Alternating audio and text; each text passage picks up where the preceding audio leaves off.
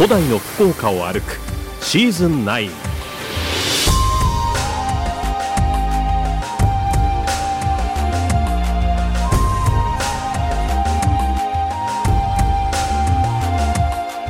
遥かな昔海の道からそして陸路を通じて福岡にはさまざまな文化が入ってきました。その足跡を訪ねる古代の福岡を歩くシーズン9この番組は宮山市の企画協賛餃子の山八道の駅宗像草と共に生きるオーレックの提供でお送りいたします。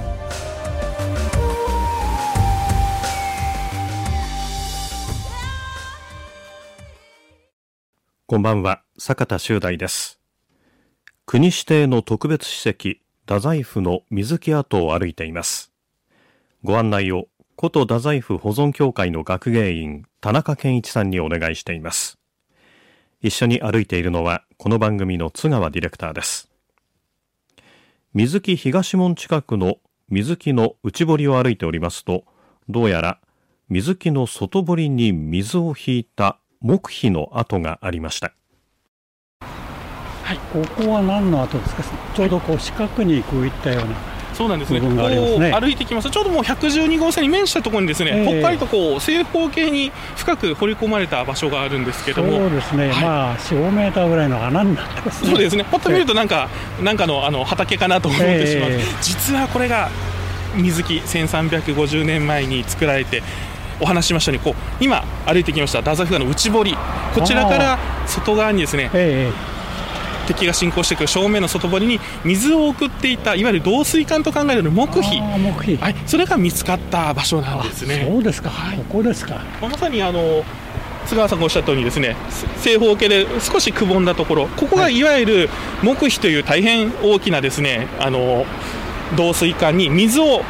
給水する、まあ、ここから水を取り込んでいたと考えられる場所なんですね。はいでちょうどあの南側にはですねあの内堀が広がっていたと考えられていましてでこの正方形の部分に対しましてまっすぐ博多側に向かって木碑がまっすぐ伸びていたわけでございます。はい、で木碑自体がどこを通っていたのかなと気になる方も多いかなと思うんですが、ええー、実はこの場所木碑跡に立っていただくとこう追地が生垣がこう続いているのが続いてますね、はい、何か不自然にですね。あそこだけ1本ずっと博多に向かって伸びてるんですけどもあの位置が木碑が通っていた位置だそうなんですね。そうですか、横はあの112号線ですか、はい、が走ってますけども、それに沿ってずっと続いてる、はい、この何気なく伸びてる1本の生垣これが実は木碑の埋まってます。位置を示しているものになります。はいでまさにここの部分からですね、ええ、太宰府から博多側に向かってまっすぐ伸びておりますけども、まあ、こちらの長さがですね全長南から北までで79.5メートル。79.5メートル、はい、はい、でこの長さが大変も80メートル近いんですけど木碑自体も大きいんですね、はい、木碑の内側の幅を測っていただきましたらの横幅が1.2メートルで高さが80センチほどということなので、大きいですね、なので、まあ、大人の方でもしゃがんで中を通りくぐれるぐらい、まあ、大変大きな、あのいわゆるまあ昔でいう木でできた土管なわけなんですね、はい、でまあ、そのような木碑を通じてこう内側からで溜めていた水をこう通してですね、はい、外側、外堀へと供給していたと考えられる場所でございます。はい。えー、木碑の大きさってかなり大きいですね。いやそうですね、もうそれだけやはりおなんでしょう水を一気にですね運ぶ必要があったのかなということで、はい、まあ、どうでしょう、120センチかける80センチというのは、かなりやはり大きいなと、ね、はい思いますね。それを、まあ、どっかから運んできた、これは水になるんですか？いやそうですね。ちょっとよくわからない。ですね。で、まあ、この、あの、運んでいく、運びます水につきましてはですね、はい、内側に、こう、溜めていたんだろうと。はい。ただ、あの、今、津川さんと歩いてきました三笠川より、この、内側木碑の場所かなり高いんですね、標高が。もう、そうですね、はい、あのー、落差がありますね、はい、えー、あこちらが高速道路の方なんか見ますと、こかなりですね下の方に緩やかになってますので、えー、おそらくこういう高い部分の内堀というのは、おそらくこう山側からですね、はい、現在でも、えー、いろいろな神農川とか、いろんな川が流れてるんですけど、はい、そういう川から流れ込んだ水を溜めておいて、はい、でな何かの際にはこう木標を通して一気にですね外側に吐き出すような、そういう使い方じゃなかったのかなというふうにも考えられてるんですけれども、はい、まだまだなかなか研究まだまだ調査がわからない部分が多いんですけれども、まあ、間違いなくこの場所からそれだけの大きいですねヒノキを使った大きな木製の土管が見つかりまして、はい、まあ、その後を記念して、まあ、あの場所を記念する石碑なんかも立ってますけども、はい、まあ、まさに1350年前の水木を知る大変手がかりとなる場所ということで今も大切に保存されております、はい。えー、初めて知ったのはこの112号線沿いに、えー、柘の木みたいなのが植えてあって柘の木沿いにえー、黙秘があったというのを初めて知りました、はい、あのなかなかですねどこを通ってイメージしづらいかと思うんですけど、まあ、こういうふうにイメージをしていただいたら、えー、この辺りを通ってたなというのをイメージしていただくとですね、はい、はい、今度はですね水が吐き出される外側の方にも行ってみたいと、はい、外側に。思います。はい、では行きましょう。えー、その柘の木に沿って今ずっと歩いています。はい。えー、ここにあの木碑がえー、表に出た部分があるんですね、はい、ちょうどこう輪切りにした 部分というのがありましてここから木の構造が見えるようになってますね。そうなんですね。あの実際に木碑どのくらいで大きさであったのか実はこう中に入る道が通行してます部分にですね、ええ、このくらいの大きさなんですということで再現されたものがですね。はい、実際にどのくらい大きかったのかですねぜひあのご覧になっていただきたいなと思います、えー、これは本当によくわかります。えー、それからこの木碑の厚さというのは結構ありますね、30センチぐらいあるんです、ね、そうですね、厚みがですねやはりあの、それだけのこう水を送る構造で、まあ、あの重さにも耐えないといけませんので、でね、やはり、ね、あのかなり分厚いですね、板を使って、でそれをあのご紹介しましたようにこう春日井でですね1.6キロぐらいあるようなこう、うん、今のホッチキスの針のような、大変大きな、あの金具でですねこう打ち止めてというところで、まあ、まさになんか1350年も相当すごい技術があったんだなというのをですね改めて感じるスケールになっています。いやあここであの春日井の凄さっていうのも 見ましたね。ちょうどホッチキスみたいな感じでね、はい、この字型に、はいえー、なってるものでこう板をですね跳ねないつないでいったという感じですね。はいえー、そういう木碑がここにあります。ぜひ再現の部分見ていただきたいと思います、そして水木三丁目の交差点に出ました。大きな石碑が目の前にでんと座っています。えー、水木三丁目の交差点を渡りますとですね渡ってすぐに見えてまいりますのが大きく水木大帝の日と書かれた石碑になります。はい、はい、でこちらですねあの実は建てられましたのは大正でして実はあの大正4年に大正天皇の御大典記念ということで、はい、あの日本各地でいろんな行事や、まあ、記念の建立されたりするんですけども当時現在は太宰府市ですけどこの場所は水木村でございましてでその水木村の青年会の方々が、まあ、大正天皇のご大典を記念しまして、えーこの水木をま記念する検証する石碑を建てようということで建てられた石碑になっております。でちょうどはい立派ですね。で大正4年の1915年にですね建立を計画された石碑なんですけれども、まあ、こちら正面にはですね水木大帝の人大きく書かれておりまして、はい、裏側にはですねこの水木の測量どこからどこまでが大体どのくらいの距離があるのかそういったところもですね書いてあるわけなんですね。裏にですか？はい実は裏にちょっと裏の方にですね。えー、表だけしか見てなかったな、えー、では裏へ回ってみましょうか。ああはい。これはと漢字で書いてありますから非常に難しいですね。すね。はい、あの表に書いてあって横にはですねあの記号した方のお名前なんかあるんですけども、えー、まあ裏面に行きますとこう、えー、例えばどこからどこまでが何何件何尺だで西西側の包みがどのくらいの距離だっていうのを実際に当時計測して測った数字がですねもう事細かくこうびっしりとですねですね。こうちょっと仰ぎ見てあの字を追わないといけないんですけれども、えー、読めるのは天智天皇3年えー、置いてなんとかかんとかって書いてますね。そうですね。最初のところはあの天智天皇3年、まあ、660年にこう、はい、大帝を築いて水を蓄えしむ、まあ、水木の由来が書いてあって。なるほど、はい、で、えー、3行目からは今度また先ほど言いましたようにこういろいろ過去の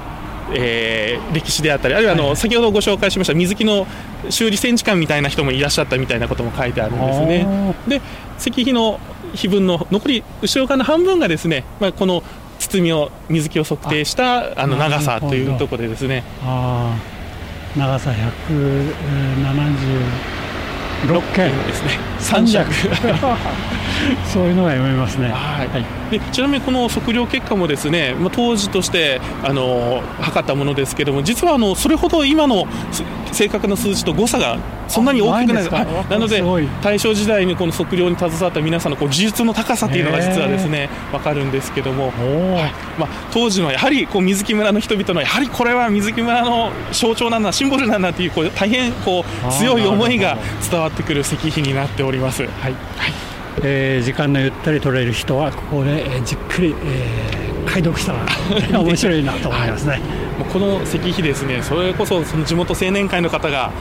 すごく情熱を持っていますので、はい、こちらの上の部分の竿石ですね、はい、こちらはあの博多の方から青年会の方たちが自ら運んでこられたそうなんですね。ではい、で土台の今度下のこの石は宝満山の方からですね、はい、あのまたこれも青年会の方から運んできたということで、まさにあの建てる段階から青年会の方が率先して石も石も大きいですよ、1メーター四方ぐらいのね、ありますね、とした石ですけどね、重量もありますので、まあ、そういった部分で、ですねあの一番下には携わった方のお名前なんかびっしり書いてありますので、まさに水木村の方々が100年前ですね、およそ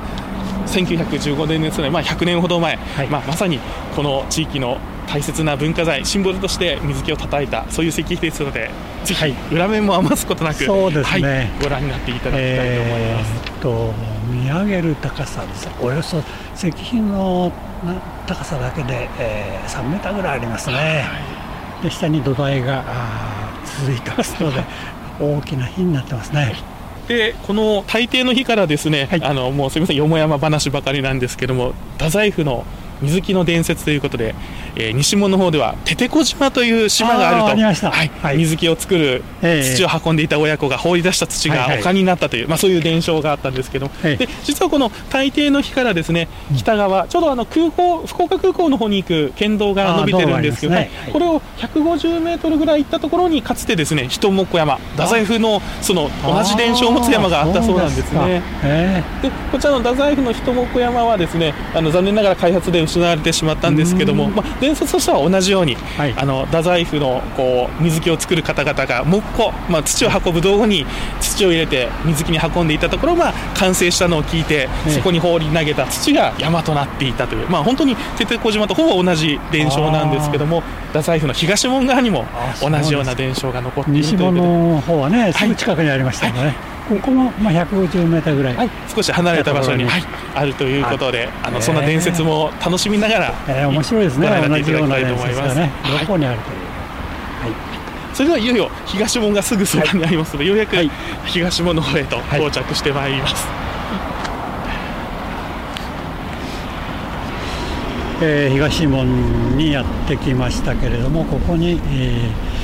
えー、門の下に基礎基礎の部分ですかね、これ、石がありますね。はい、そうですね。あの東門の方に来ていただきますと、ちょうど道沿いのとここう囲ったところにですね、大変大きな石が置いてございます。これがあの実は東門の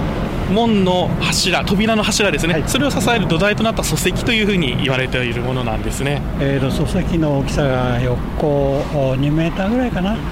そして幅が1メーターぐらいありますけど、その中に、えー、丸い穴が開けてあります。2つ穴があって四角な穴も1つあるという ここに建てたんですかね。そうですね。ちょうど扉の柱を立てる部分と、はい、あとそれを受けますと砲立てですね。こう、はい、あの門の板なんですけどもそういった跡がこう差し込めるような跡が残っておりまして、はい、まあ、本来でありますと門ですので、片方の扉だけでは成立しませんので、もう、ね、もう一つですね、反対側に同じものがないといけないんですけども、はい、まあ、1350年という長い歴史が経ちまして、また、あの西門の方はですね、雰囲気がそのままよく残ってるんですけども、まあ、東門の方は、えー、これまでお話ししたよりも、ちょうどかつての3号線、今の県道112号線が、こう、バスッと通っておりまして、門の跡というのはもうはっきり今、残ってない状態なんですね。はい、なので東門がどのような幅でどのような規模だったか後っていうのはちょっと残ってないんですが門の礎石というのはこうやって確かに1350年受け継がれてきているというわけになります。はいでこちらあの津川さんがおっしゃって大変大きな石ですので、あの江戸時代ちょうどこの場所は日田街道が通っておりまして、はい、太宰府へお参りする人なんかもたくさん通ったんですけども。ありましたそういえば、はい、思い出しました。でそうでこの旅する人たちはちょうどこの大きい石を見かけますので、当時の人々、えー、当時の地種類にはですね、まあ、この大きな石が、まあ、鬼が使うすずり石ぐらいあるということで鬼のすずり石というふうに親しまれてまして、まあ、これを見かけるとあいよいよ太宰府に入っていくんだなという、まあ、太宰府を向かうこう水木を行き交う人たちのですね一つの目安というか名所にもなっていたそうなんです、はい、思い出しました、えー、田中さんと一緒にね北街道をずっと歩きましたけども その、まあ、入り口部分になるわけですね、はい、えー、そういう礎石がここにあります、はい、さあそしてですね、はい、えーさああの東門どんなもんだったかわからないということなんですけども、えー、実はその礎石の方からですね少し反対側を見ていただくとこう交差点に向かってこの土が L 字型にこう残っている。この部分があら。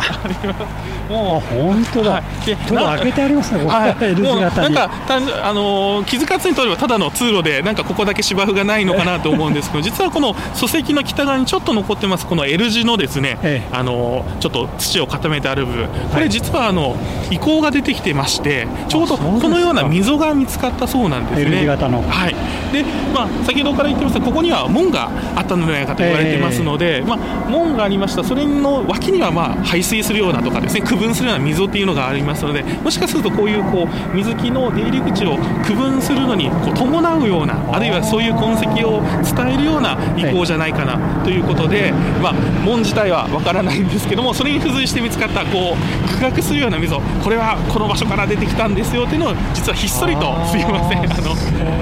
紙面を固めて表示してありますので、えー、これはもう聞かないと分かりますね あの目立たないところに足元にありますけど、えー、これはセメンで固めてありますね、はい、L 字型にね、はい、えー、この礎石のあるところから、まあ、4、5メーターあるんですね、えー、L の字、えー、それが右側に2メーターぐらい続いてますね。実はかつてのこう後を存在示してくれば遺構のあった場所それを示しているということでぜひあのちょっと目立たないんですが足元もぜひご覧になっていただきたいと思います。はい、はい、えー、ここへ来るといろんな発見ができますね。はい。でこの水木の東門跡、本当にあのいろいろなものも合わせて置かれてまして、まあ、周辺から見つかりました礎石とかですね石のようなものも実は、あの先ほどご紹介した門の礎石の隣に解説板と合わせて並べて展示してありますので、はい、奥の礎石なんかもご覧になっていただきたいと思います。はい、あとはこの門の礎石の隣にはですねこのあの史跡水木跡と表記されました、はい、えー、大正にここが史跡に指定された時に建てられた石碑ですね。あの水木駅そばの土塁断面広場の上に水木の標識が立ってますというお話をしたんですが、それと同じものがあちらは西側そして東側はこの水木三丁目の交差点のそばに建てられているということで記号されたのは同じ伊能鹿治さんという福岡藩士であって後に飯塚市長なんかも務めた方の記号になってますので伊能鹿治さんね名前覚えてます、はい。はい、その方々こっちの東門側の目印はこちらになってますので合わせて、はい、ご覧になっていただきたいと思います、えー、これはねはっきり読めますねえー、大正10年3月に作ったんじゃないかという。大きく、ね。はい、書いてありますんでですね、はい、はい、ぜひこちらもご覧になっていただきたいと思います。はい、そして水木館を見学した後水木館のすぐ裏の展望台に上がりました。えここからの展望は素晴らしいですね。そうですね。水木館の横にある階段からずっと何段か登ってきていただきますとちょうどこの今日ご案内してきました水木を見渡せる展望所が広がっております。でこちら上がってきていただきますとまず、まあ、水木のですね、えー、外堀であったり土塁であったり内堀の、まあ、構造ですね。あのそういったものがよく分かりますしまた遠くを通っているですね。高速道路との位置関係なんかもよく分かりますね。すね。はい。もうまさにあの水木がどんな広がっているかというのをあの一望できる場所ですのであのぜひですね水木か、まあ、東の方に来られたらぜひこの展望所まで上がってみていただくとこの歩いてきました西門から東門まで、まあ、西から東までおよそですね1.2キロにわたる水木跡がどういった構造であるのかまたどんな今現在ですね姿を残しているのかというのが、まあ、大変わかる場所ですのでぜひ、えー、ご覧になっていただいて水木をもう最後まで楽しんでいただきたいなと思っているところです、はい、えー、ちょうど位置的には水木の真上に立ってるという感じがしますね。そうですね、ええ、ちょうどあの展望所から2段下のところがですね水機関がある、はい、あのちょうど場所でして、えーね、さらにそこが2段ぐらい上に上がってまさにもう土塁の真上に立っているという、ね、はい、立っているという形で本当にあの高さというか規模がですね、はい、分かるような位置になっております。そうですね。もう展望台に上がっていただくと、えー、水木の第二広場そして木碑の生垣ですね。それから木碑の取水口のところ、はい、えー、まさにほう一望できますので一望できますね、はい、探訪してきた場所の振り返りとしてもですね、えー、あの大変眺めのいい場所であります、まあ、今日ご紹介してきましたこの水木跡。1350年以上経ってもですねもうこのようにちゃんと歴史を伝えてくれるようにあの守り受け継がれてきております。ぜひもう福岡を代表するですね古代の遺跡でありますのでぜひ皆さん足を運んででご覧になっていただきたいと思います。はい、国指定の特別史跡水木跡を歩きました。全長1.2キロもありました。土塁が高さ10メートル。土塁の両側に外堀60メートル、内堀50メートルありました。古都太宰府保存協会の学芸員田中健一さんの案内でほぼ見て歩くことができました。これから桜の季節もなかなか美しい景色が堪能できます。気候が良くなりましたら、ぜひ歩いてみてください。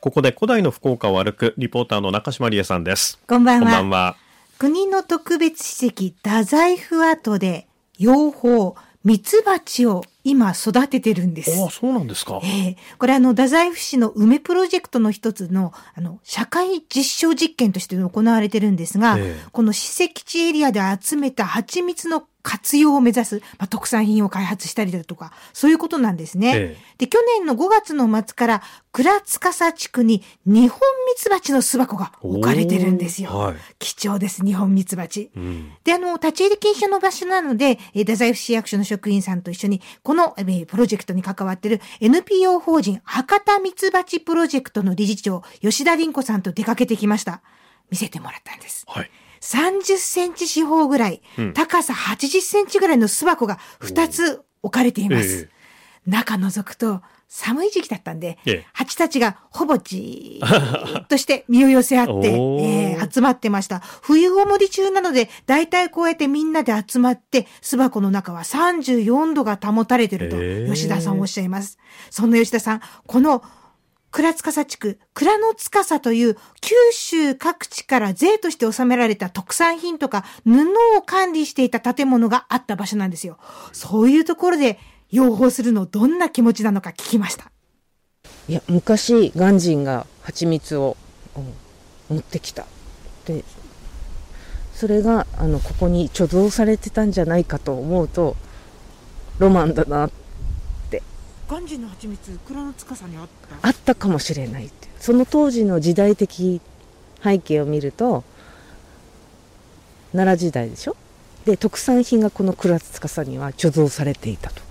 で蜂蜜とか砂糖っていうのはすごいあの貴重品なんできっとここに貯蔵されていたんじゃないだろうかとその場所であの養蜂ができるっていうのはなんか感慨深いものがありますよね。おお。そうなんですよ。鑑真が持ってきた。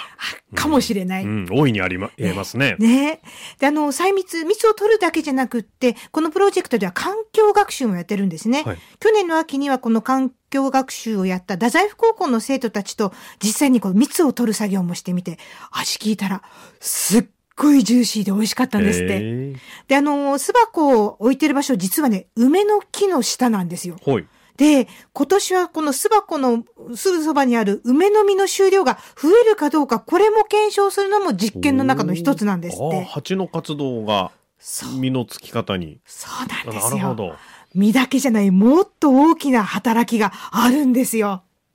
受粉効果で結実するものが増えるだ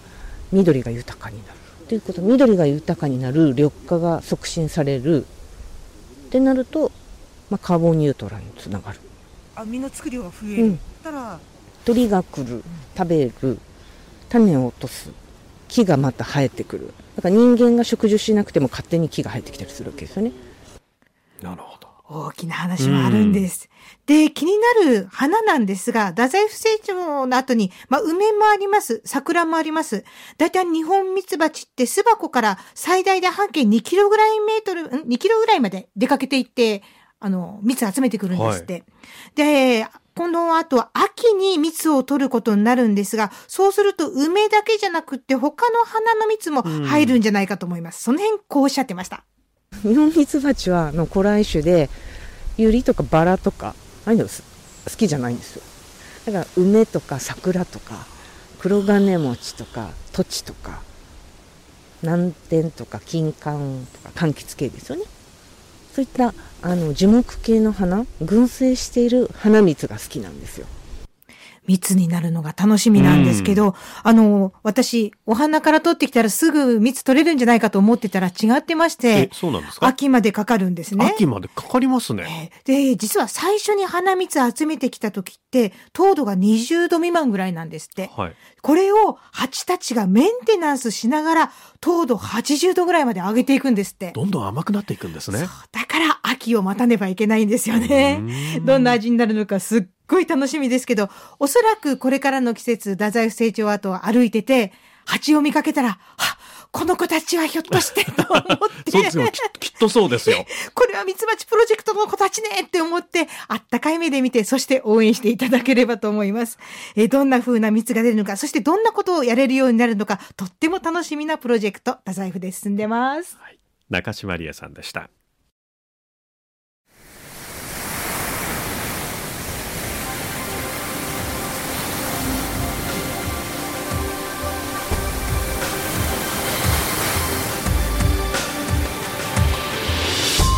ここで番組からのお知らせです。ホームページのご案内です。これまでの放送内容と番組を1回目からじっくり楽しむことができます。RKB ラジオのホームページの古代の福岡を歩くシーズン9のバナーをクリックしてください。また Apple、Google、Spotify、Amazon、YouTube など各ポッドキャストでもお楽しみいただけます。この番組は宮間市の企画協賛餃子の山八道の駅宗方草と共に生きるオーレックの提供でお送りいたしました。ご案内は坂田修大でした。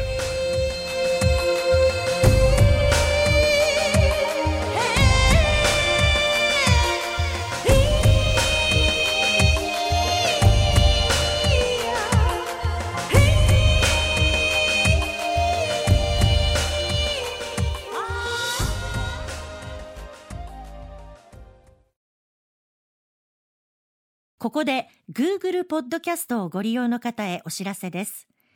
Google ポッドキャストは2024年6月23日をもってサービスを終了します。引き続きこの番組をお楽しみいただくには、ラジコ、Apple ポッドキャスト、Spotify、Amazon Music、YouTube Music、いずれかのアプリをご利用ください。これからも RKB ラジオのポッドキャストをお楽しみください。